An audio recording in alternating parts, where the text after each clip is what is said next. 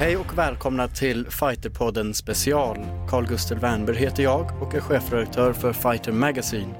Idag har jag med mig Musse Hasselvall, kampsportsprofil som har skrivit boken Våldet och Fredrik Kärrholm, i grunden polis, utbildad kriminolog och författare till Gangstervåld. Välkomna. Tack, jag måste bara lägga till, jag har skrivit boken tillsammans med Robert Svensson. Vi var två stycken som skrev den. Jag tänker att det är en, en viktig grej att säga. vi, vi börjar där. Absolut. Tack så mycket, jättekul att vara här. Vi ska tala lite om våld generellt baserat på era erfarenheter inom kampsport och som, prof, eh, som polis. Och eh, framförallt tänker jag mig också att ni kommer från olika ideologiska bakgrunder. Och det kan vara intressant att undersöka hur det påverkar synen på våldet. Men om vi börjar med våld generellt. Grekerna skrev mycket om kampsport, de utövade kampsport. Men också när de filosoferade så började de alltid med att kategorisera saker. Så Aristoteles lägger fram kategorierna och eh, där pratar han om först släktet. Och om vi tar våld som ett släkte så har vi arter under det, precis som vi har släktet djur och så har vi olika typer av djur. Vad finns det för typer av våld som vi kan börja med att dissekera här och eh, lägga fram? Vilken jävla pampig start. Var du beredd på det här? Nej, Eller i och för sig, jag, Gustav hade sagt så här, ska ett lättsamt samtal om, om, om våld, ni behöver inte förbereda er. Så drömmer han till med Aristoteles. Nu, nu har jag gått i den svenska flumskolan, så att jag har inte tvingats att, att läsa Aristoteles och jag har inte tagit ett eget initiativ till att göra det. Men, så, att, så att jag är helt eh, obekant med hans eh, så att säga, kategorisering av, eh, av våld. Eh, men spontant tänker jag att eh, två huvudkategorier som sen kan brytas ner i ytterligare kategorier är väl det moraliskt eh, berättigade våldet och det eh, icke-moraliska våldet. Um, och de korrelerar väl i hög grad med det legala våldet och det illegala våldet. Mm. Fick jag rätt nu från magistern? Vi får vänta sig Musse, vad säger du? Nej men det där tycker jag var en jättebra uppdelning. Jag, jag är med på den. Det blir ett bra sätt att liksom jobba ifrån. Ja. Och även, att, även diskutera våld tycker jag. Vad, vad är det för typ av våld man diskuterar? Ja. Eh, för det är, det, det, det är naturligtvis så att det finns väldigt många olika typer av våld i väldigt många olika typer av situationer. Mm. Eh, våld är allt från det vi höll på med innan vi började inspelningen här, det vill säga att vi körde eh, lite sparring på ja. klubben Berserk eh, här på Kungsholmen i Stockholm. Våld är också det som pågår i kriget nere i Ukraina. Så att våld är ju någonting väldigt brett och stort. Mm. Men om vi... Och det ena, det var, ena var någon typ av samtyckesvåld och det kanske man inte kan säga att kriget är va? Mm. Nej. Eller? Nej, precis. Och var hamnade det moraliska våldet då?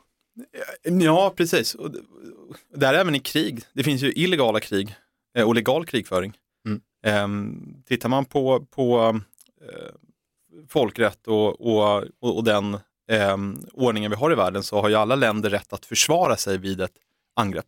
Mm. Så att det våld som den, eh, det ukrainska försvaret utövar i syfte att hävda sin territoriella integritet och skydda sin befolkning, det är ju ett, både menar jag, moraliskt våld men också ett legalt våld. Mm. Eh, med, Medan det våldet som den angripande krigsmakten då i form av Ryssland använder är ju då varken moraliskt eller legalt.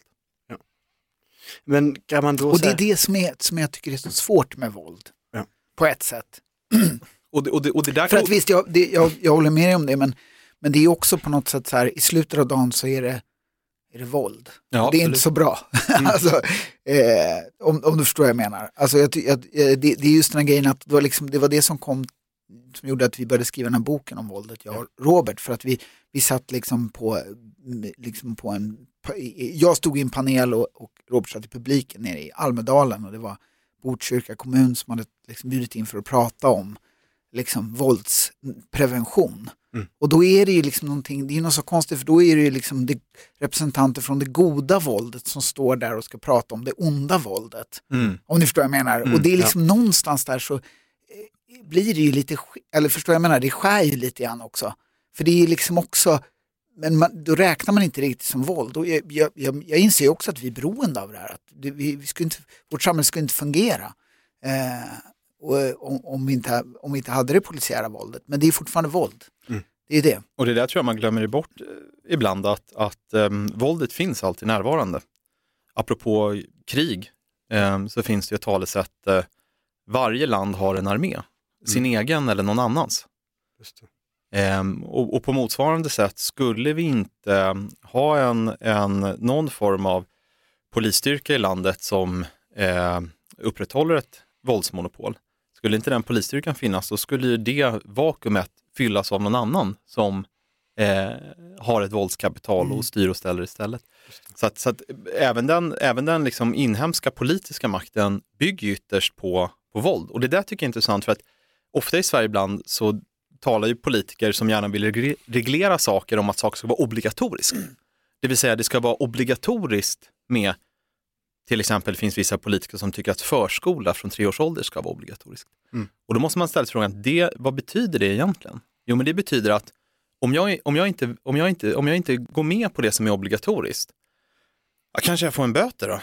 Men om jag säger så här, men jag tänker inte betala den där böten. Ja, men vad händer då? Jo, men då kanske den böten ska omvandlas till fängelse. Mm. Men, så här, men jag vill inte sitta i fängelse. Ja, men I slutändan kokar alltid ner till att allt som är obligatoriskt, all lagstiftning mm. upprätthålls ytterst med våld. Det vill säga ja. att man tvingar någon till någonting. Mm. Och det där, tror jag, det där tror jag man eh, det, det perspektivet saknar jag lite ibland i den politiska debatten i Sverige. Ja. Och du, du är aktuell med boken Gangstervåld och jag undrar om du kan utveckla lite där, du har redan börjat prata om polisen. Du menar i den här boken att våldet har tagit sig ett annat uttryck i Sverige och hur relaterar du som polis då till det våldet som du har sett? Jag lämnade nyligen eh, polisen, men jag jobbade som polis i över tio år. Ehm, och eh, för, för, att anknyta till det jag sa precis då, så det, jag skriver om det i min bok att delvis är det så i, i vissa områden i Sverige att, att statens våldsmonopol är utmanat. Ehm, men men, men det, det du eh, knyter an till här, eh, Gustav, det är ju det jag skriver om också, om att det finns, det finns olika eh, typer av, av våld inom olika typer av brottskategorier. Mm. Och där menar jag att våldet har då blivit värre. Eh, vi kan till exempel ta rånsituationer. Det vill säga det är stor skillnad på olika rån. Um, och en utveckling som vi har fått i Sverige är att rånen har i högre utsträckning fått våldsinslag eh, och grövre våldsinslag och förnedringsinslag. Ehm, vilket är en, en bekymmersam utveckling. Ehm, och det har skett också parallellt med att vi har fått en form av gangstervåld eh, som är väldigt medialt uppmärksammat med skottlossningar och, och, och bombattentat. Just det. Och i, innan vi kommer in på frågan vad det kan bero på så undrar jag om Musse har några tankar kring det här, för du har också ett kapitel i boken Våldet där ni talar om polisiärt våld och våldsmonopol. Ja, där pratar vi bland annat med, med eh, Thomas Lappenainen som har skrivit, eh, har skrivit jättemycket om eh, till exempel eh, maffian. Liksom. Och han pratar ju om, liksom, om, om maffian som liksom en konkurrent till staten. Mm. Att det är liksom ett, ett alternativ då. Eh, att liksom man behöver få rättvisa skipad, då kanske man vänder sig till maffian istället för man har mer förtroende för dem. För att det finns liksom en tradition av ett, ett ganska lågt förtroende för staten och eh, vad den eh, liksom, eh, levererar. Eh, så därför har det liksom funnits liksom en stor grogrund för den typen av, av kriminalitet där. Och, jag, eh, och liksom, jag menar, när vi pratar med honom om, om, om just liksom våld, så där, om, om, det, om, det, liksom, om det skulle kunna finnas liksom en möjlighet för ett, ett, ett samhälle utan våld. Och då, då sa han bara helt enkelt att ja, tills det samhället mäter ett, ett våldsamt samhälle mm. så tar ju det slut. Mm. Och, så det, det finns väl egentligen inte. Nej, Nej och det, det, det, tror jag, det där är en hopplös naiv utopi att man skulle kunna ha en, en värld helt utan våld, att vi inte skulle ha några poliser, att vi inte skulle ha några eh, militärer. För det, det, det, där bekräftar precis det jag sa, Var, varje land har en armé, sin egen och någon annan. Så på motsvarande sätt så de här akademiska idéerna som, som framförallt emanerar från amerikanska universitet om eh, defund police, det vill säga att man ska så att säga krympa eller kanske till och med avskaffa polisen. det är oerhört naivt. Alltså man måste ha väldigt dålig kontakt med verkligheten för att tro att det skulle fungera. Mm. Alltså det finns ju människor som är beredda att, att um, sticka ner folk för att de kollar snett på deras skor. Um, och om polis och en, en strafflagstiftning inte kan upprätthållas, då skulle den typen av våldsamma personer vara de som kom att dominera, i min övertygelse. Mm. Vad tror ni det nya våldet i Sverige beror på? Du, vilket våld tänker du på då? Är det att, eh, du menar att det har blivit grövre? Um, varför då? Alltså, ja och nej. Det, det, återigen då, det finns ju väldigt många olika typer av våld. Vissa typer av våld har ju minskat i Sverige mm. eh, över tid. Eh, alltså alkoholrelaterat våld i offentlig miljö har minskat. Mm. Eh, det vill säga det, det, har blivit färre krogbråk helt mm. enkelt.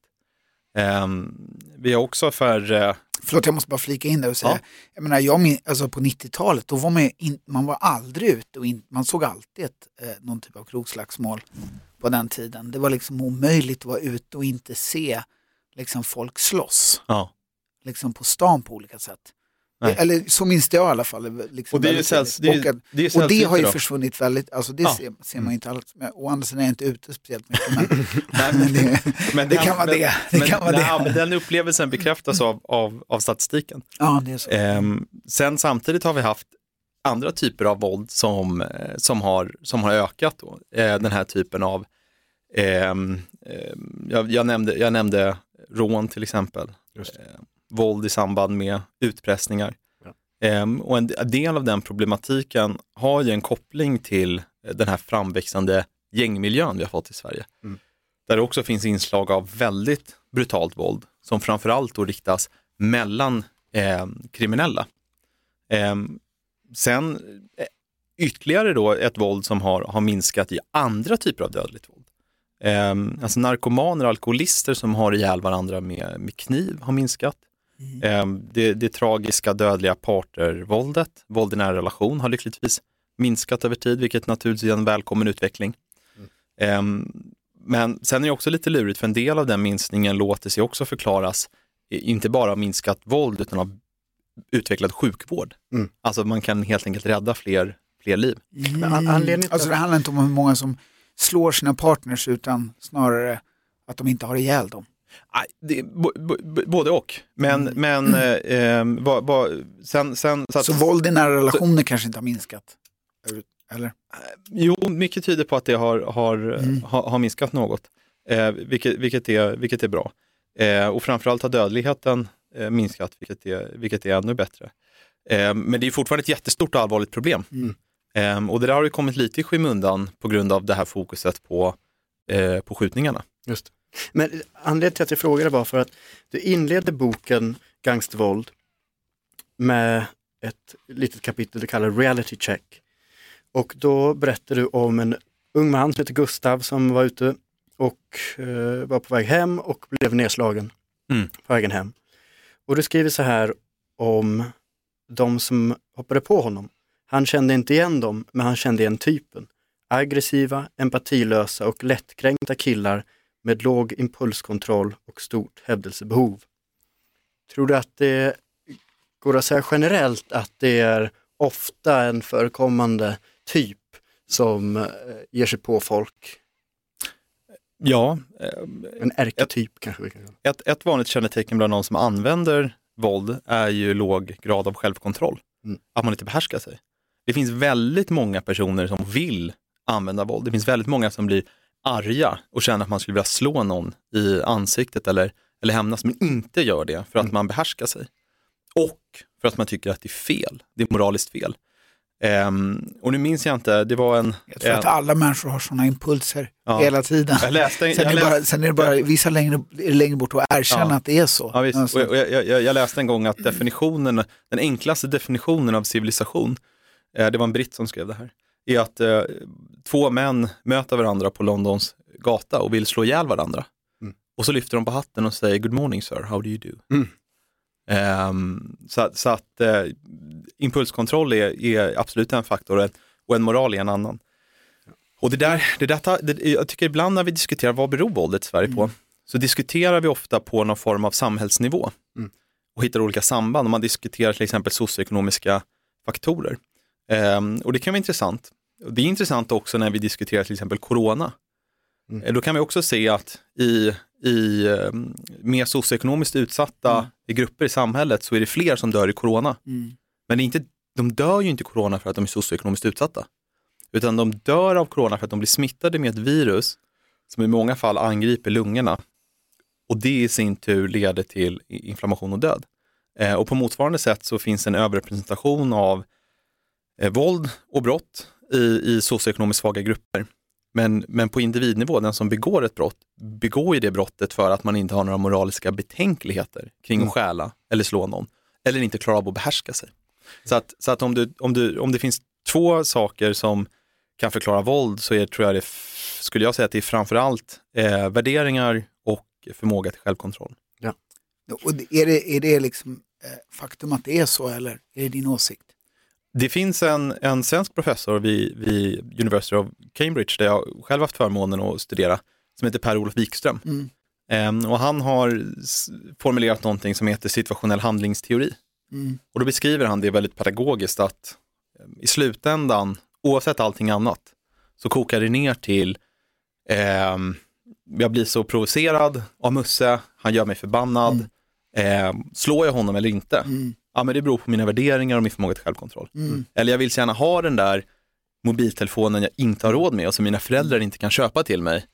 Mm. Tar jag den eller tar jag den inte? Och, och det kan man komma ihåg att för varje kille då som, eh, för det är ofta eh, pojkar och unga män som begår brott, som, som till exempel deltar i stenkastning mot polis eller, mm. eller rånar någon eller våldtar en, en, en, en, en, en tjej eller hamnar i slagsmål, så finns det minst tio, ofta fler andra i precis samma situation eh, med samma så att säga levnadsförhållanden och om man tittar, om man gör en analys, tittar vad har man för ekonomiska förutsättningar och möjligheter i mm. livet som eh, trots det inte eh, begår det där brottet. Mm. mm.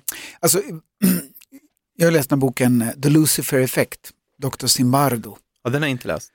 Han pratar ju om situationsbunden ondska då, utifrån liksom, jag menar, Nazityskland och ja. liksom där fullkomligt eh, till synes normala människor gick in och gjorde sjuka saker. Och liksom, eh, och jag menar, han, han pratar ju liksom mer om att det är liksom väldigt ofta situationer som gör, förflyttar oss människor mm. till att göra saker. Och jag, jag tror inte riktigt som du, jag tänker mer att, jag tänker att det handlar väldigt mycket om liksom klass och liksom vad man har för möjligheter. Jag tänker att jag tror att eh, i en viss typ av situation, vi har fått liksom otroligt mycket större klyftor i Sverige sen. Mm. Redan liksom, i början av 90-talet så har det liksom skenat verkligen. Och jag tror att eh, jag tror att det handlar väldigt, väldigt mycket om det i stort, liksom mångt och mycket. För jag tror att i, i vissa situationer så, så sticker allas värderingar käpprätt åt helvete. Om liksom en situation inte, och liksom om, det, om det inte finns något hopp, om det inte finns, känns som att det finns möjligheter. Så jag vill gärna tro att det liksom inte är massa värderingar som bara folk föds med eller utan men som man kanske utvecklar eller liksom snarare kanske tallar på för att man, eh, man befinner sig i en situation där det liksom inte känns som att det spelar någon roll.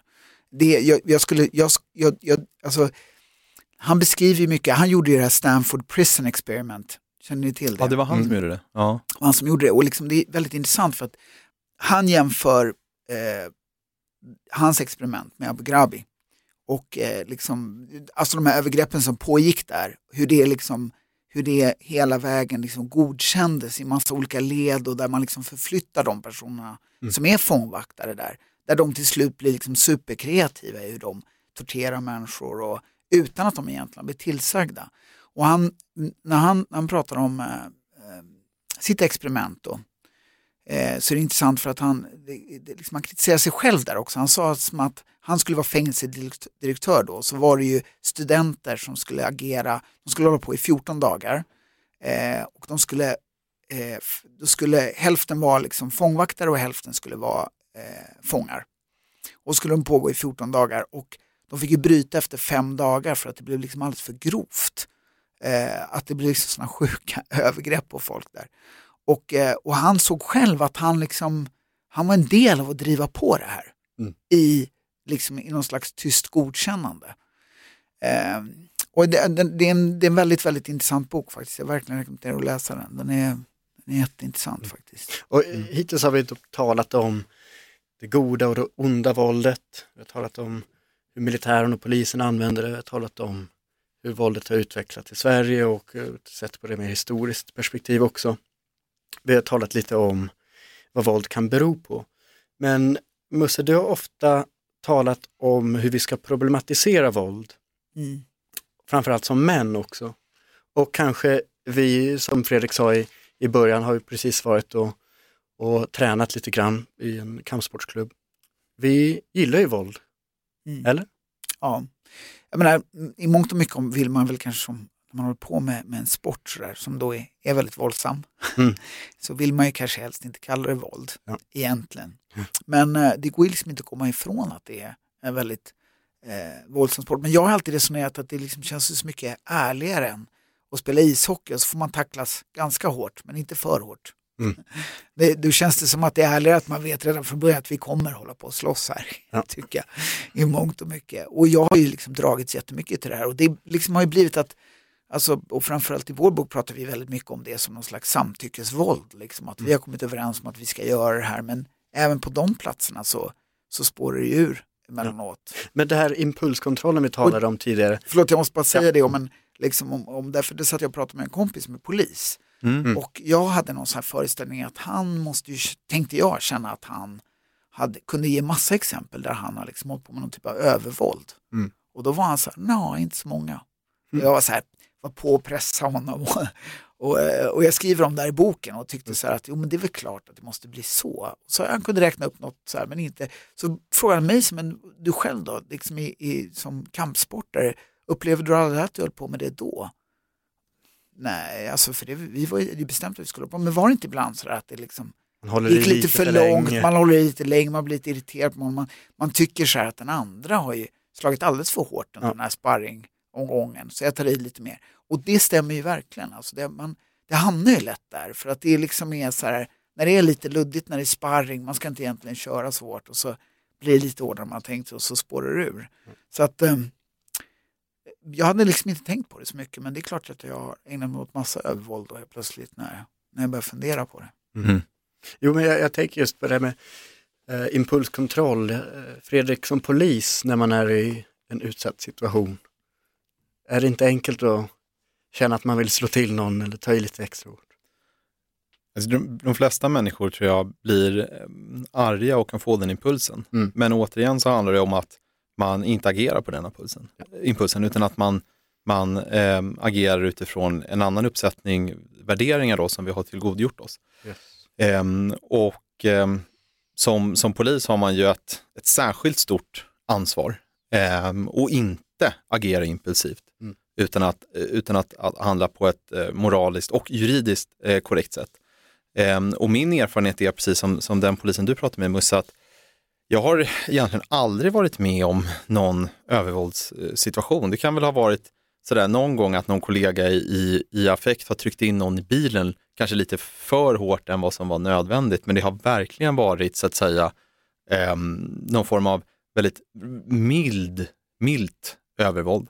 Um, och, uh, det, det, det, förlåt att jag skrattar men det är så här milt övervåld. Ja, det men, låter, liksom till, som att, nej, det låter motsägelsefullt. Om, om man bara ja, konkret, ja. konkretisera, om det har varit en, en eh, någon, någon har varit kanske eh, våldsam mm. eh, mot, eh, mot poliserna, eh, extremt våldsam, liksom försökt svinga helt hejdlöst. Någon har blivit träffad av ett slag, eh, man lyckas brotta ner den här personen, den här personen spottar och ger skällsord och det är liksom det, det, är väldigt, det är väldigt grovt från den här personen man omhändertar. Och sen ska man stoppa in honom i bilen. Eh, då kanske liksom, när den personen liksom trycks ner i baksätet så ka kanske, kanske kollegan då hade tryckt, trycker lite hårdare än vad som är nödvändigt. Mm. det kan ju också lika gärna handla om att man har, vill ha en säkerhetsmarginal. Mm. Att i det läget vill man inte ta några risker. Mm. Men, men, men liksom, det, det, det, det är någonting som inte ens justitieombudsmannen skulle ha synpunkter på, men det är liksom det närmaste jag kommer en mm. situation mm. av övervåld i min erfarenhet. Sen finns det ju såklart exempel på poliser, eh, inte som där jag varit med, men, men som liksom har begått eh, övervåld på riktigt.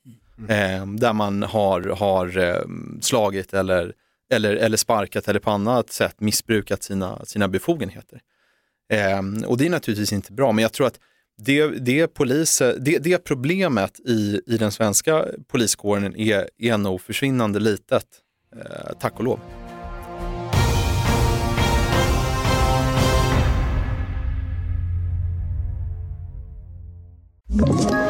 Ett poddtips från Podplay. I podden Något Kaiko garanterar östgötarna Brutti och jag, Davva, dig en stor dos skratt. Där följer jag pladask för köttätandet igen. Man är lite som en jävla vampyr. Man har fått lite blodsmak och då måste man ha mer. Udda spaningar, fängslande anekdoter och en och annan arg rant.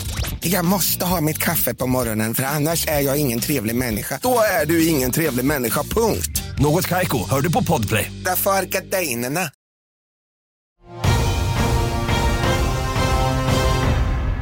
Den här med impulsen, om vi går tillbaka till grekerna, där talar med, med Platon om att Men vi kolla, har... hur ska vi hänga med nu? Hur ska vi hänga med nu?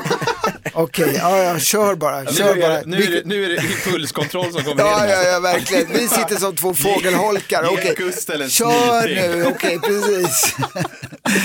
Pla- Ah, Platon delar ju in människan i tre delar. Och den viktigaste delen är ju det rationella. Men vi har den här impulsen som har att göra med ära. Och det kallar han för thumos i- på grekiska. heder, hedersvåldet. helt Eh, exakt. Och det, det är liksom om någon säger något om mig eller om någon jag håller kär, för kär så blir jag arg. Men det är det rationella som Will får mig Smith. att tänka, exakt, det var dit jag ville komma. Såg ni jag eh, hörde inte, Grammys, eller Ja. eh, Academy det, det Awards? var det du sa, jag hörde inte. Mm. Will Smith, Will Smith. precis. Ja.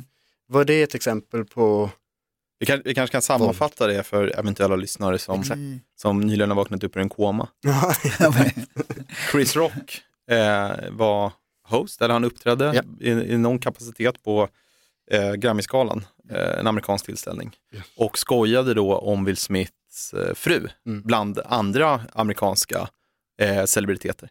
Eh, och för, förolämpade henne då Mm. eh, för att hon har en sjukdom där, eh, som gör att hon har tappat håret. ja. Han sa någonting, han såg fram emot G.I. Jane 2. Ja.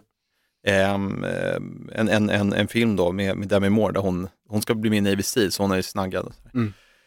Eh, och då blir Will Smith väldigt arg och går upp på scen och eh, utdelar ett slag mot eh, Chris Rock. Exakt. Vad tänker ni om det? Var det, Ja, det, det, är, det, är, är, är det brist på Ja, det, det, det, det, är teck- impuls? det är impulskontroll. Det är klart att om någon hade förolämpat eh, min flickvän på det sättet, hade jag också velat gå upp och slå personen i ansiktet.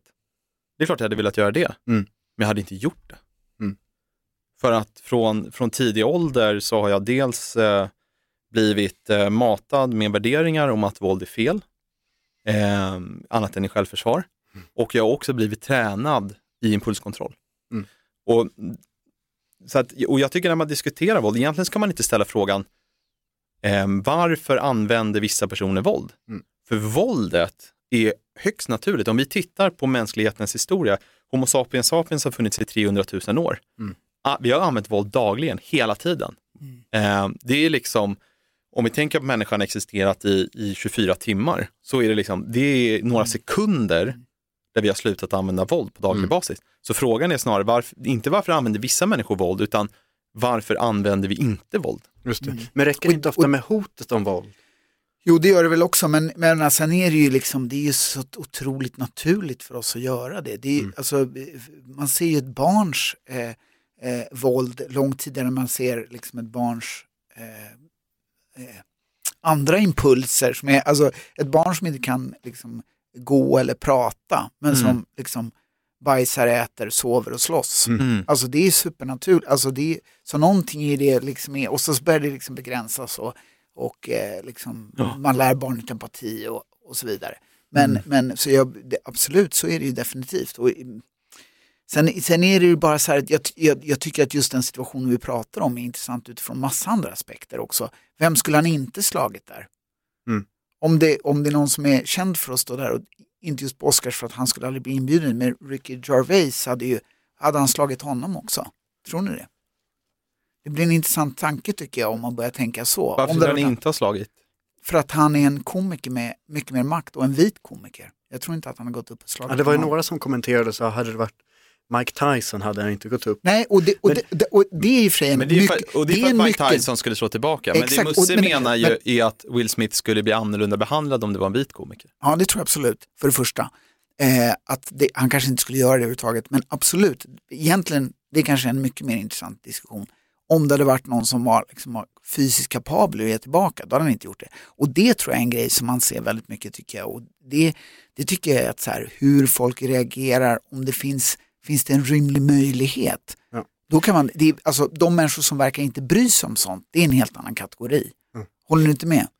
Det blir, det blir lite spekulation också vad som skulle hänt om det var om det hade varit någon annan som stod där på scen och det kan man inte veta. Jag läste att det var, jag läste en, eh, jag kommer inte ihåg vad hon heter, men det är en, en afroamerikansk eh, amerikansk eh, komiker, en kvinna, som skrev någon eh, tweet. Mm. Ehm, och hennes take, alltså jag säger inte att det är rätt eller fel, men hennes take var om Will Smith hade varit vit Mm. och han liksom i rådande diskurs vi har liksom med BLM Mm. hade gått upp och lappat till Chris Rock då, som är mörkhyad. Ehm, då skrev hon att eh, då hade han letts ut från den här galan handcuffed, Mm. inte fått priset. Mm. Skrev hon, That's privilege. Om det är så eller inte vet vi inte. Om det är så att det hade varit annorlunda, om det var, eh, Rick, vad heter han? Ricky Gervais. Ja, jag är så dålig på Ja, engelska. jag, har- jag har också svårt, jag är inte säker på att jag säger det rätt. Man säger det fort. så det blir, det, blir, det blir spekulationer tycker jag bara, man har ingen aning. Exakt, men jag tänker vi tar till, drar det tillbaks till våld som vi ska tala om. Eh, jag tittade lite på sociala medier och framförallt var ju MMA-världen väldigt positiva till Mm. eh, det Will Smith hade gjort. Det är, Och för, många det, är för, boxare. det, är, det är för jävligt tycker jag, på ren svenska. Ja. Det han borde ha gjort, han borde ha ställt sig upp, tagit sin fru i handen, gått ut därifrån Skit i att ta emot och priset. inte tagit emot priset. Är och sagt inte liksom, Grammisga- och så hade han blivit intervjuad, så hade han sagt så här, eh, arrangörerna för Grammisgalan, de borde granska manus på de som, eh, eh, som står för underhållningen på den här tillställningen. Eh, det hade varit det civiliserade sättet att hantera det. Det Will Smith gjorde, han hanterade det sättet som en barbar. Ja, det, det är det här som är intressant. Va? Michael Bisping till exempel, en för detta eh, medelviktsmästare i UFC. Han sa, om du snackar illa om någon så ska du förvänta dig att eh, du blir slagen. Anthony Joshua, brittisk boxningsmästare, sa, eh, jag hade slagit med knuten näve. Medan många svenskar, många som kanske har längre avstånd till våld, Mm. var mer, precis som du uttrycker, ungefär skulle jag säga, Fredrik. Och då undrar jag, finns det något där, varför är det så att de som utövar våld känner att det här är acceptabelt? Men där vill jag Är bara, det för att där, man, man, säger, man säger så här, ja, men i vår värld så är lojalitet viktigare? Eller är det bara för att man tycker om våld och eh, accepterar alla uttryck för våld? Jag tror att det kanske också eh, handlar just om hur, hur nära man känner. Men om man tittar på hur själva slaget såg ut Mm. så fanns det ju liksom, han lutade sig ba, bortåt samtidigt som han slog. Alltså det var, alltså jag, jag, tr- jag tror inte det var liksom så självklart för honom att göra det där. Mm. Även om han stolpade fram som han gjorde. du menar att han hade dålig teknik? Ja, alltså, ja det kan man diskutera, det, det, och det tänker jag är oviktigt, men jag tänker att, att det fanns liksom något, eh, någon slags tvekan i det. Mm. Alltså det, både liksom, jag vet inte om han var kanske, om det fanns någon tanke, alltså jag tror inte det föll sig naturligt för honom att göra något sånt.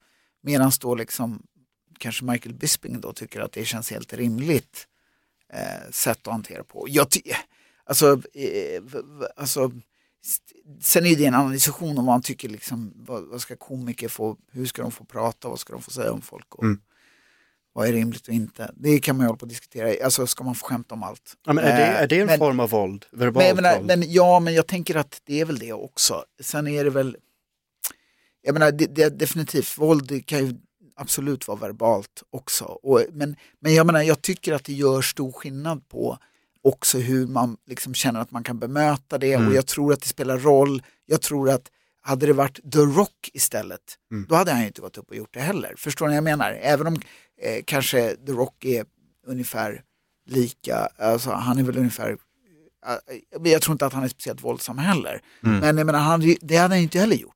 Men, det, men jag. också Förstår liksom, jag menar? För, ja. att, för, att, för där finns det ändå liksom någon typ av eh, rimligt våldskapital. Det finns ju inte alls i, mm. i eh, den andra rock. Men, men det är också en, en, en, en, förklaring till att vi har en lägre våldsnivå i samhället idag är ju också det att människor generellt sett uppträder mer hövligt. Mm. Ehm, så att jag menar, det, det Chris Rock gjorde var ju också väldigt ociviliserat. Alltså om man är en intelligent, skicklig komiker så måste man kunna underhålla och få människor att skratta mm. utan ja. liksom, att vara jäkligt elak. Mm. Um, så, så, att hade vi haft ett samhälle där alla gick runt och var elaka mot varandra hela tiden, mm. Det är klart att vi skulle få mer våld.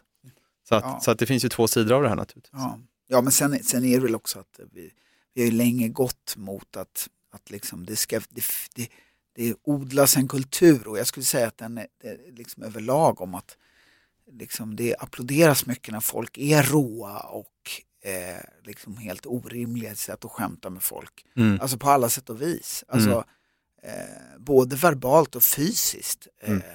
Eh, alltså det är väldigt mycket av det. Mm. Och det har ju liksom hänt på många plan liksom, i, ja. i liksom vår utveckling av tv och liksom realityserier och liksom att det premieras ju verkligen ja. att vara liksom eh, jävligt oskön. Ja. och jag, menar, och jag, jag tänker på liksom, det är osunt. Det är jätteosunt tror jag, tycker jag också. Jag tycker att eh, jag önskar att, att det liksom, man tittade på det här med liksom trash talk. Alltså den är eh, absolut, håll på och snacka skit om varandra men dra inte in varandras familj. Nej. Alltså så här, eh, alltså det, det, det, liksom, det, blir of, det blir bara jävligt ohärligt. Alltså, mm. Jag tycker att det blir eh, jag, är så glad när folk bara är respektfulla mot varandra när man ska titta på match. Snarare än att de håller på och är sådär. Jag tycker bara att det är tråkigt, det är förutsägbart, ja. det säger samma saker, det är liksom eh, sexistiskt, rasistiskt, mm. eh, liksom bara jag vet, jag, jag, jag vet jag, jag, tycker att det är tråkigt. Jag, det är tråkigt. En, en, jag vet inte vad man kan dra för slutsats av det, men en, en observation är bara, utifrån min egen erfarenhet, att människor som behärskar våld väldigt bra mm. är enligt min erfarenhet mycket trevligare, snällare, mer ödmjuka. Mm. Och då ska jag säga så här, den här gangsten som skjuter med en Kalashnikov, han behärskar inte våld. Mm. Vem som helst kan hålla ett vapen och trycka en avtryckare. Jag menar alltså behärska våld, att du kan, du vet hur du ska göra för att få ner någon på marken, för att låsa fast någon eller för att slå någon medvetslös. Alltså du behärskar det fysiska, mm. eh, kroppsliga våldet personer som gör det i kampsportsvärlden, mm. men också i polisens insatsstyrkor och i militärens insatsstyrkor, så tycker jag att det alltid finns ett jäkligt stort mått av eh, ödmjukhet. Mm. Ja, och sen är, det ju, sen är det ju det att de flesta är ju bättre när, man är, när det sker under någon slags självbehärskning mm. parallellt. Alltså, det är inte bra att vara uppe i en bur eller ring och slåss och vara arg. Alltså, du kommer ju vara sämre då. Ja. Alltså, det, det, bygger ju på att man inte ska vara så känslomässigt investerad i det. Ja.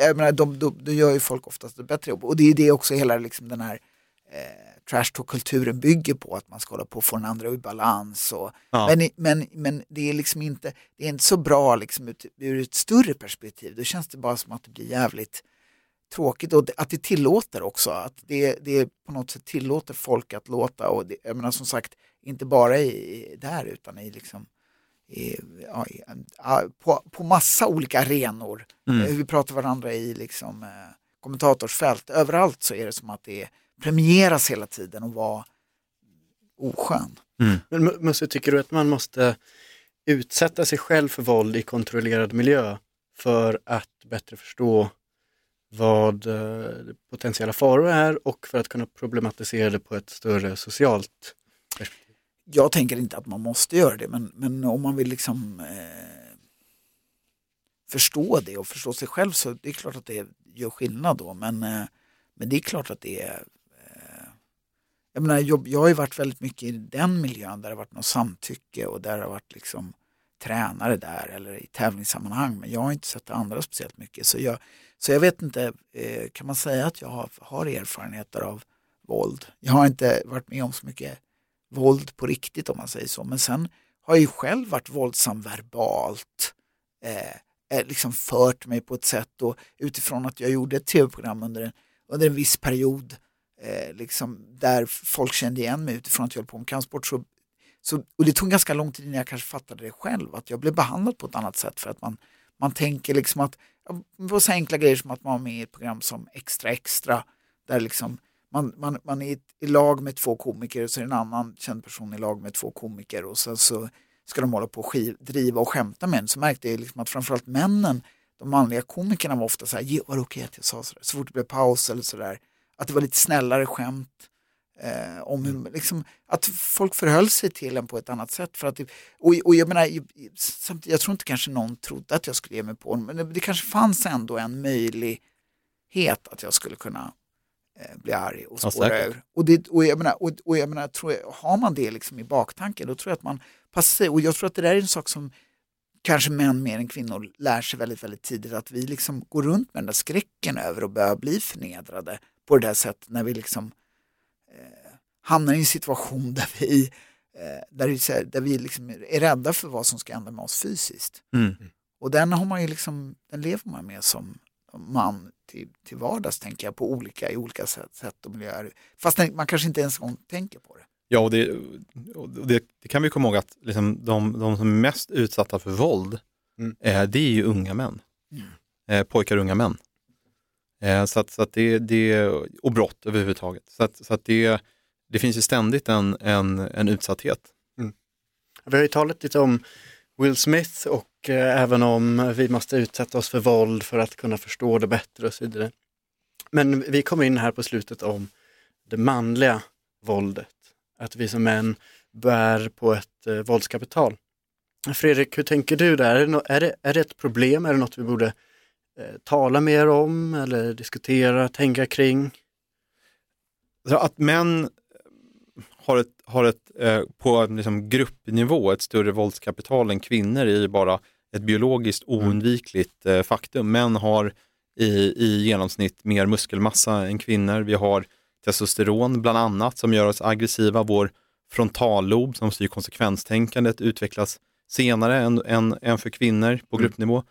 Um, så så det, det, är någonting vi, vi måste förhålla oss till och det, återigen då så tror jag att det är väldigt viktigt så att säga att um, det är väldigt viktigt att fostra alla barn eh, till att bli eh, civiliserade medborgare. Det är ingenting man kan ta för för givet, utan det är superviktigt att föräldrar, andra vuxna i omgivningen, skolan tar ett ansvar.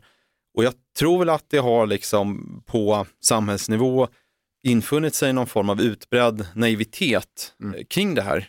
Att det räcker med att man bara är snäll mot barn så kommer allt lösa sig. Men barn behöver en väldigt eh, behöver en ordentlig uppfostran. Och jag kommer ihåg när jag pluggade i Cambridge så talade jag med en, en polischef som också läste det här som var från, eh, eh från Hongkong.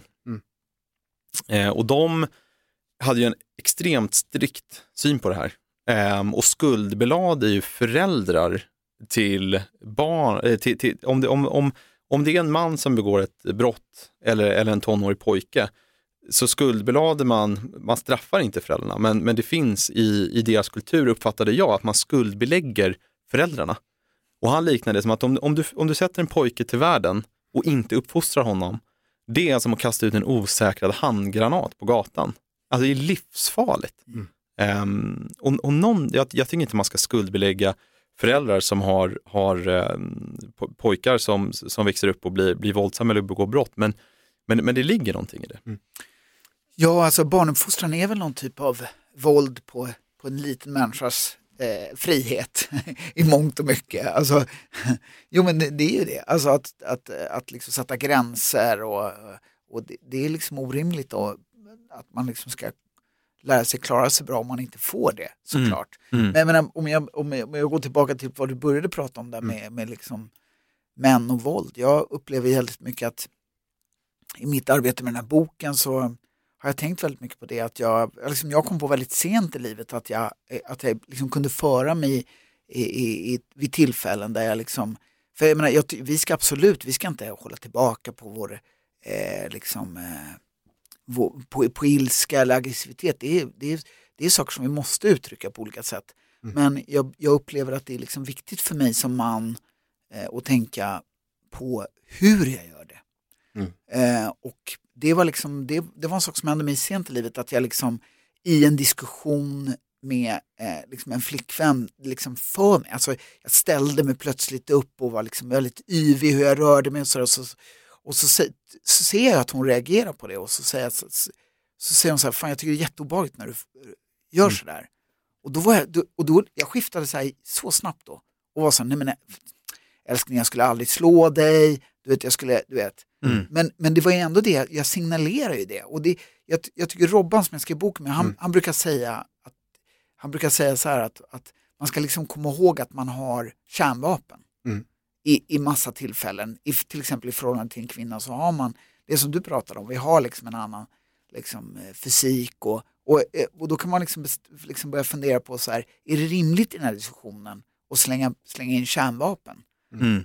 Alltså det blir lite så här orättvist, alltså ska man inte försöka kunna hantera Men skulle det. Du säga till och, det, och, det, och, jag, jag menar, man, det är fortfarande man, ska, man har rätt att bli arg, man har rätt att liksom, ta diskussioner, mm. man har rätt att liksom, och, äh, aggressivitet, det är liksom något som är naturligt i oss. Mm. Men man måste bara se vad det tar vägen. Och vad är det förhållande? Mellan, mellan män och kvinnor du diskuterar här? Nej, men det, alltså, det kan vara i massa olika tillfällen. Jag tänk... jag. Det, det, finns ju tillfällen också när man kan föra sig, liksom, där, man, där man kanske känner att man har ett fysiskt övertag mm. eh, i en annan situation. Och får jag bara flika in där, mm.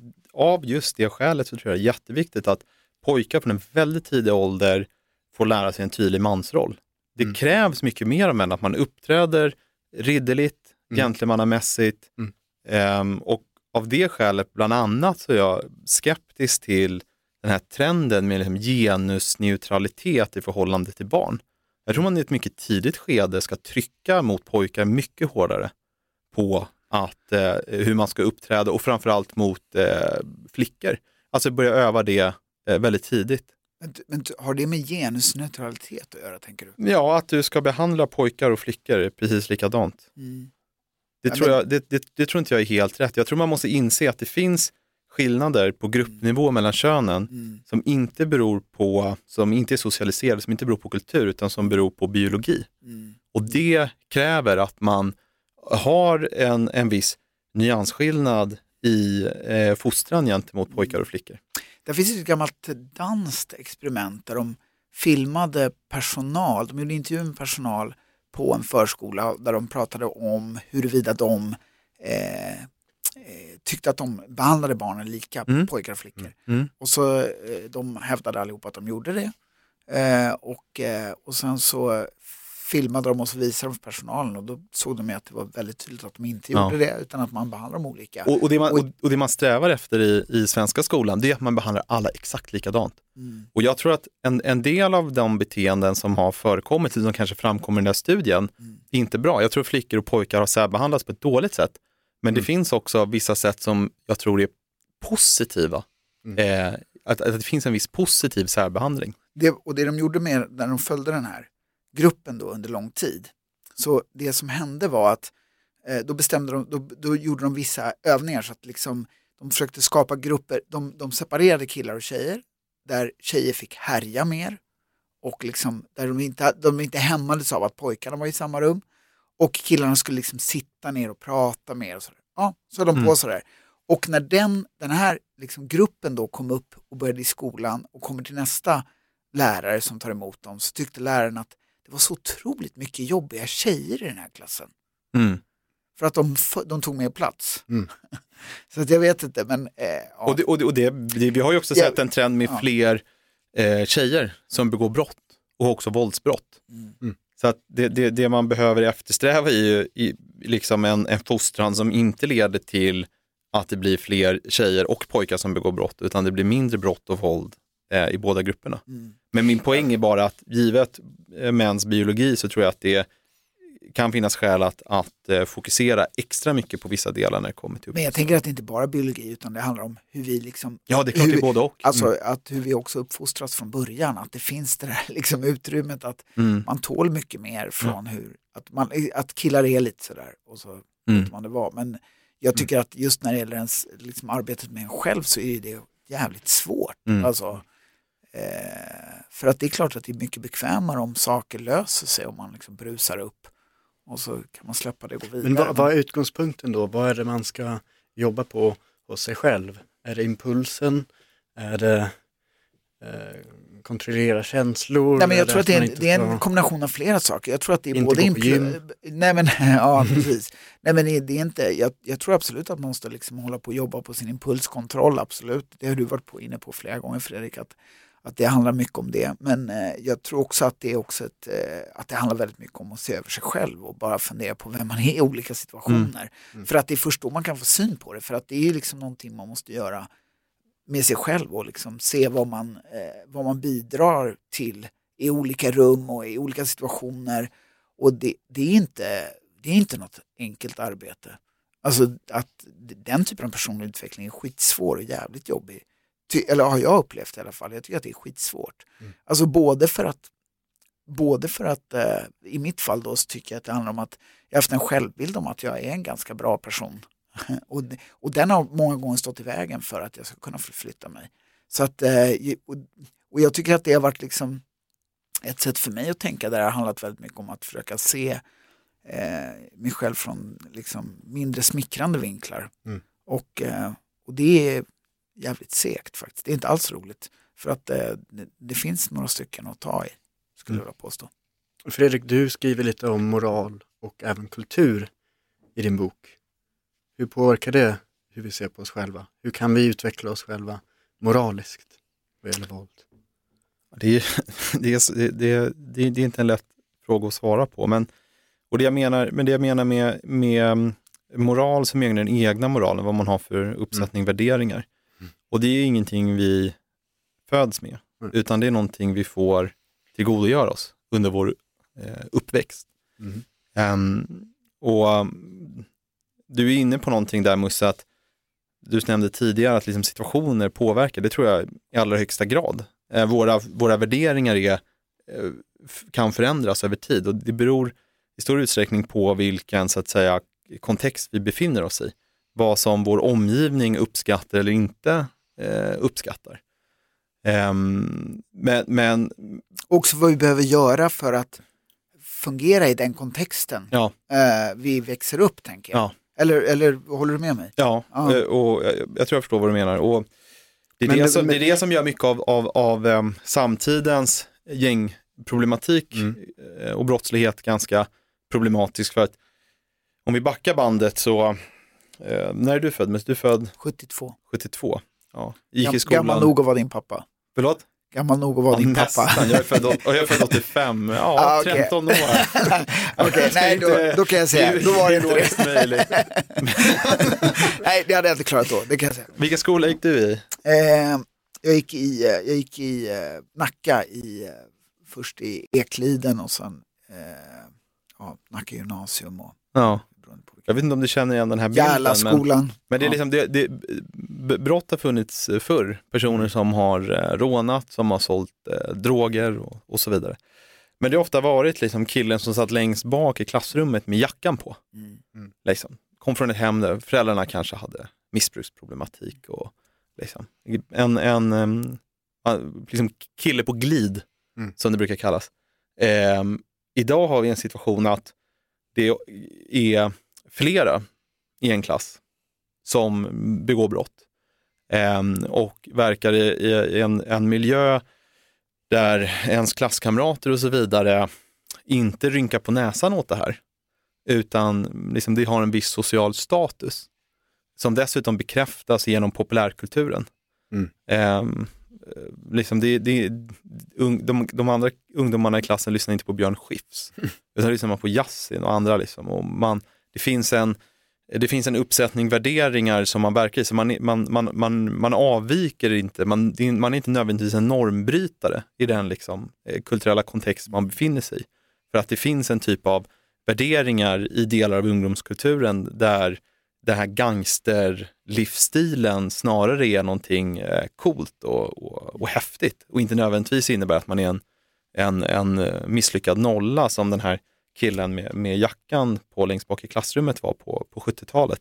Så att på det sättet så, så har kulturen en, en, en påverkan. Um, nej, men, men, jag, förlåt, jag, må, jag måste säga att jag, jag, tro, jag kan inte låta bli att tro att det ändå, alltså, eh, att det liksom ligger mycket mer i vad samhället är idag och ja. liksom, att, skill att det har blivit så stora skillnader. Ja. Alltså förstår jag vad jag menar? För att, alltså, att, liksom, eh, Ja, den här gangsterkulturen jag beskriver, ja. den har inte uppstått i ett vakuum. Nej, men, Utan det, vi har fått ja. ett extremt segregerat mm. samhälle. Mm. Um, och vi har liksom um, pojkar och flickor som har kommit till Sverige i unga år eller är födda här, mm. växer upp i ett område, man ser midsommarfirande på liksom TV4, men mm. närmare det kommer man inte. Man bor Nej, i ett område, exakt. det bor inga andra svenskar. Liksom, det är väldigt svårt att skaffa sig etniskt svenska vänner. Mm. Så man växer upp i det här området, mm. eh, man är geografiskt isolerad, man är kulturellt mm. isolerad, man är i viss utsträckning ekonomiskt isolerad mm. för man inte har samma ekonomiska eh, möjligheter. Och det, det hade varit konstigt om, om det då inte bildades någon form av förortskultur. Mm. Um, och, och, det har det gjort och den kulturen är ju i sin tur en, en mix mm. av, eh, av, av föräldragenerationens eh, kulturer som ofta är arabiska, av den svenska majoritetskulturen, men också i stor utsträckning den, den amerikanska gettokulturen som man har kunnat identifiera sig med. Mm. Ja, men jag, jag, jag, tänker så här att eh, jag tänker att det inte är liksom importerad kultur. Hade, hade vi liksom svenskar flytt och hamnat i områden någonstans i ett arabiskt land hade det blivit precis samma sak om vi hade varit minoritetsbefolkningen. Det är jag helt övertygad om. För jag tror inte att, och, det, och, och jag, jag, tänker så här, när jag, när jag, liksom, jag tänker att det är så här, för, för som, som jag minns under 80-talet, liksom, Kungsankravallerna och det här, mm. då var det liksom, då, då, då pratade man om att det var liksom, det var ju liksom den här importerade kulturen från Italien och Grekland, alltså arbets, mm. liksom, eh, arbets... Eh, vad heter det? invandrarnas söner som var ute och slogs på den tiden. Och sen på 90-talet var det liksom serber och eh, alltså forna Jugoslavien och bosnier. Och, alltså då var det liksom, då, då, var, då, då var de värst. Eh, och jag menar idag är det somalier. Eh, och det liksom, i, på den vägen då så har vi liksom hela tiden tittat som att det är någon slags importerat problem. Eh, och att det handlar liksom om någon slags kultur som de har tagit med sig. Men jag tänker att det snarare handlar om vem som är längst ner just nu. Att det är liksom en otroligt bidragande orsak mm. till att det landar. Alltså förstår jag menar? Att, att, att det liksom är så här, att det inte finns något hopp. För att jag tror att det är jävligt många som, som känner så här att ja, jag kan plugga mycket som helst men med mitt namn, jag kommer inte komma på någon arbetsintervju ens. Och, och jag, jag håller med Förstår dig, jag, jag, jag håller med dig om att ja. det inte liksom är en rakt av importerad kultur. Du har ju vissa typer av kriminella klaner, okej okay, det är bara ett rakt importerat eh, problem. Men, men, min poäng var att den här förortskulturen då som i vissa delar har brottsalstrande värderingar, mm. den är liksom en mix av olika kulturer, inklusive den svenska eh, mm. majoritetskulturen. Eh, men, men, men, men, men tyvärr så är, menar jag att det finns liksom destruktiva inslag i, och jag kallar det liksom en gang, att vi har fått en, en form av gangsterkultur. Mm. Eh, och och i, i, i en marknadsekonomi med fri konkurrens och meritokrati så kommer det alltid finnas ja, inkomstskillnader. Någon kommer alltid bo i den, den minsta lägenheten i området där, där lägenhetspriserna är som lägst eller där det är hyresrätter. Mm. Och det ser vi i Finland också. Mm. Men i Finland har man inte den här typen av gangsterproblem och gängproblem. Så, att, mm. så att jag tror inte bara det går att förklara med liksom, jag tror inte den klassanalysen räcker fullt mm. ut för att förklara problemet, men, men eh, helt klart så är det, liksom, det, är, det är komplicerad materia och eh, liksom, klass är ju inte en irrelevant faktor, men, mm. men jag, tror att, jag tror att kultur har en, en, en, eh, eh en stor påverkan. Då har vi mm, talat väldigt mycket om historia, vi har talat om våldet i Sverige, vi har talat om det goda och det onda våldet, vi har talat om Will Smith, vi har talat om vilken roll moral, kultur har, har och eh, hur vi som män måste arbeta kring våld. Vad tänker ni, och vad kan vi ta med oss från det här samtalet? Vad är det vi ska tänka på framförallt eh, i oss själva och när vi är ute på stan och om vi är i kampsportslokaler? Vad är liksom, vad är det essentiella med våldet som varför attraheras vi av det och varför är det farligt? Shit, det är jävligt svårt, höga krav på vi ska liksom slänga ihop det här sista. Kan jag tycka. Vi vill ha en lösning innan vi går härifrån. Ja. Okej. Lösning på, Ja, på, på våldet. Alltså på våldet. hur vi ska minska våldet. Ja, men jag, jag, jag tror en viktig sak att ha med sig är att liksom inte betrakta allt våld som ett problem. Ja. Ehm, att, att människor håller på med kampsport, det är inget problem. Ehm, att, att människor jagar, det är inget, inget problem. Det är illegala vapen, det är, det är liksom våld utan eh, samtycke, det är illegala våldet, det onda våldet, det är det som är ett problem ehm, och som man, som man ska bekämpa. Så det, det, det tycker jag är en viktig, viktig, viktig sak. Ehm, och om frågan är då hur ska vi minska på det dåliga våldet så ja, med, med, med, med risk för att låta tjatig så tror jag att det viktigaste vi kan göra är helt enkelt att få barn att växa upp och få ett invant beteende där man inte reagerar och agerar som Will Smith. Musse. Ja, jag tänker att eh, eh, det liksom börjar någonstans med en själv. Väldigt mycket, att man måste börja liksom, eh, se över sig själv. Eh, för att jag tror att man kommer få syn på så mycket mer och att man kanske är en del av mycket mer än man kan föreställa sig i, liksom, i, i liksom massa tysta hot om våld som man inte eh, kanske ens gång tänker på. Eh, men sen tror jag också att det handlar väldigt mycket om om vi tänker på liksom i det större bortom en själv så tänker jag att det, att det handlar, jag, jag, jag är mer, som, jag tror mer att det handlar om liksom klass och förutsättningar och då skulle jag önska liksom att eh, vi hörde politiker prata mer om eh, förebyggande eh, arbete. Liksom. Jag menar, det, det, det sitter ihop med det du säger också Fredrik, liksom, om, om någon slags, eh, liksom, att man får med sig någonting från, från tidig ålder. Men, men jag tror att det är massa andra grejer som ingår i det, som att det ska liksom, eh, som handlar om så här, bostäder och jobb och eh, att det ska finnas någon rimlig möjlighet att man ska komma vidare i livet. För om man inte har det hoppet, då kommer man inte vidare.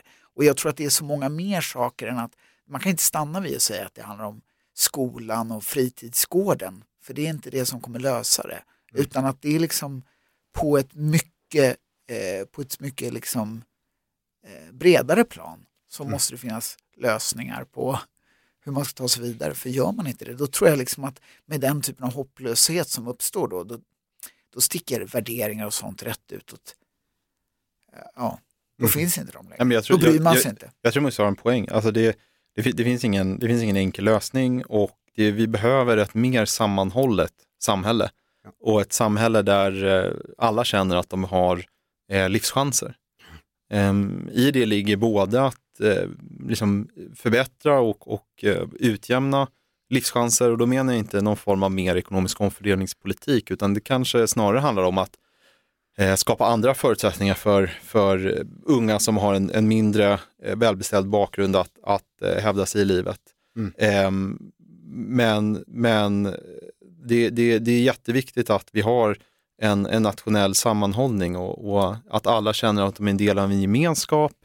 Ehm, och, och, och, men också att man tror jag behöver en kulturell förskjutning där vi rör oss från eh, liksom en offerskapsmentalitet, att man också ser möjligheterna. Även om saker kan förbättras så är det fortfarande så att även den som går i en dålig skola, alltså på pappret dålig skola, om den, om den eleven går fram till sin lärare eller bibliotekarie och säger så här, nu, nu vill jag satsa och liksom lära mig saker och få bra betyg. Den, eleven kommer ju få en kram. Ehm, och vi har avgiftsfria högskolor och universitet. Vi, vi har också, eh, vi är ett väldigt jämlikt samhälle, så att även om du jobbar som taxichaufför eller lagerarbetare i Sverige så kan du leva ett drägligt liv och, och försörja en familj. Ehm, så att, så att jag tror också att vi behöver, vi behöver kanske också eh, ingjuta det här hoppet eh, mer.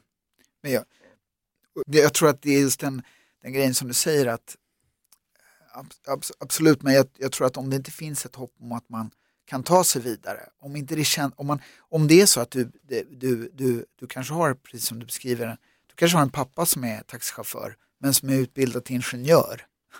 Då, är det, då kanske inte det, det kanske inte räcker som hopp då, förstår jag menar? För då känns det kanske inte som att du kan ta dig vidare eh, därifrån. Och det tror jag är liksom en, en otroligt viktig del i liksom bukten med den utvecklingen som vi har, alltså står framför oss. Och, och jag tänker då på, på och tyvärr minns jag inte hennes namn, en antropolog som fick frågan av en eh, elev eh, var så här, vad, vad, eh, vad var första tecknet på civilisation? Apropå vad du sa, att två män hälsade på varandra istället för att slå ihjäl varandra. Mm. Då var det att eh, det var ett läkt lårben. Alltså att, att, att då hade, då hade alltså de runt omkring då tagit hand och vårdat den här personen, gett den mat och gett den skydd tills mm. lårbenet hade läkt. Mm. Eh, och det var liksom hennes första tecken på en civilisation. Och det tycker jag är liksom en så här ganska, alltså, vi, vi ska kanske inte nöja oss med att vi bara inte slår ihjäl varandra mm. när vi möts. vi kanske kan ha lite högre eh, eh mål. Absolut. Om jag, om, jag, får, om jag får säga några ord här bara. Sista så att vi inte, av, så vi inte avslutar. Fan också, jag vill ha sista ordet. Ja, du blänger Musse hotfullt på mig. Nej, gud vad du ljuger. Jag såg vilket skinande leende. Nej, men jag tycker vi ska inte avsluta med för god stämning. Så man säga, det finns, det finns, det finns bara, jag håller med mycket om det Musse säger, men det finns en punkt här som jag faktiskt inte håller med om. Och det handlar just om att vi behöver ingjuta hopp i unga människor och den här hopplösheten tror jag delvis beror på en föreställning om en, en utbredd diskriminering från det svenska samhället. Um, jag, jag, tror, jag tror ett, det är ganska få taxichaufförer som är utbildade ingenjörer och behärskar svenska. Och två, den som eh, pluggar på KTH och blir utbildad ingenjör, den kommer få jobb direkt. Ja. Det spelar ingen roll om det heter Ahmed. Jo, fast det, vad, jag, vad jag menar bara, okej okay, vi struntar men, vi struntar, vi struntar, vi struntar, men det är många som tror att det är kört. Jo, jag det är många som tror att det är kört och det är ett problem i sig. Fast, fast däremot tror jag väldigt mycket Annars på bilden. Om du, inte, om du inte ser, om du inte ser någon som du känner igen dig i som mm. ingenjör, då är det mycket, det är längre bort då. Mm. Förstår du vad jag menar? Mm. Det tror jag oavsett om vi säger att taxichaufför, pappan är ingenjör eller inte, så menar jag att det är längre bort att komma dit. Ja. Mm. Vänner, det här har varit jättespännande. Vi får fortsätta en annan gång och eh, era böcker går att hitta överallt, eller? Ja, i alla välsorterade bokhandlar. Toppen. Jag har läst bägge två och jag rekommenderar dem starkt. Jag vill tacka Mussa Hasselvall som har varit med idag och Fredrik Kärrholm. Tack så mycket. Tack. Och om man vill komma i kontakt med Fighter Magazine eller Fighterpodden så går det att göra på info at fightermag.se. Håll utkik för nästa avsnitt av Fighterpodden.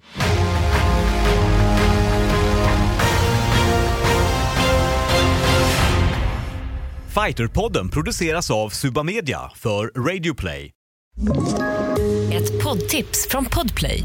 I fallen jag aldrig glömmer djupdyker Hasse Aro i arbetet bakom några av Sveriges mest uppseendeväckande brottsutredningar går vi in med hemlig telefonavlyssning och, och då upplever vi att vi får en total förändring av hans beteende. Vad är det som händer nu? Vem är det som läcker? Och så säger han att jag är kriminell, jag har varit kriminell i hela mitt liv men att mörda ett barn, där går min gräns. Nya säsongen av Fallen jag aldrig glömmer på Podplay.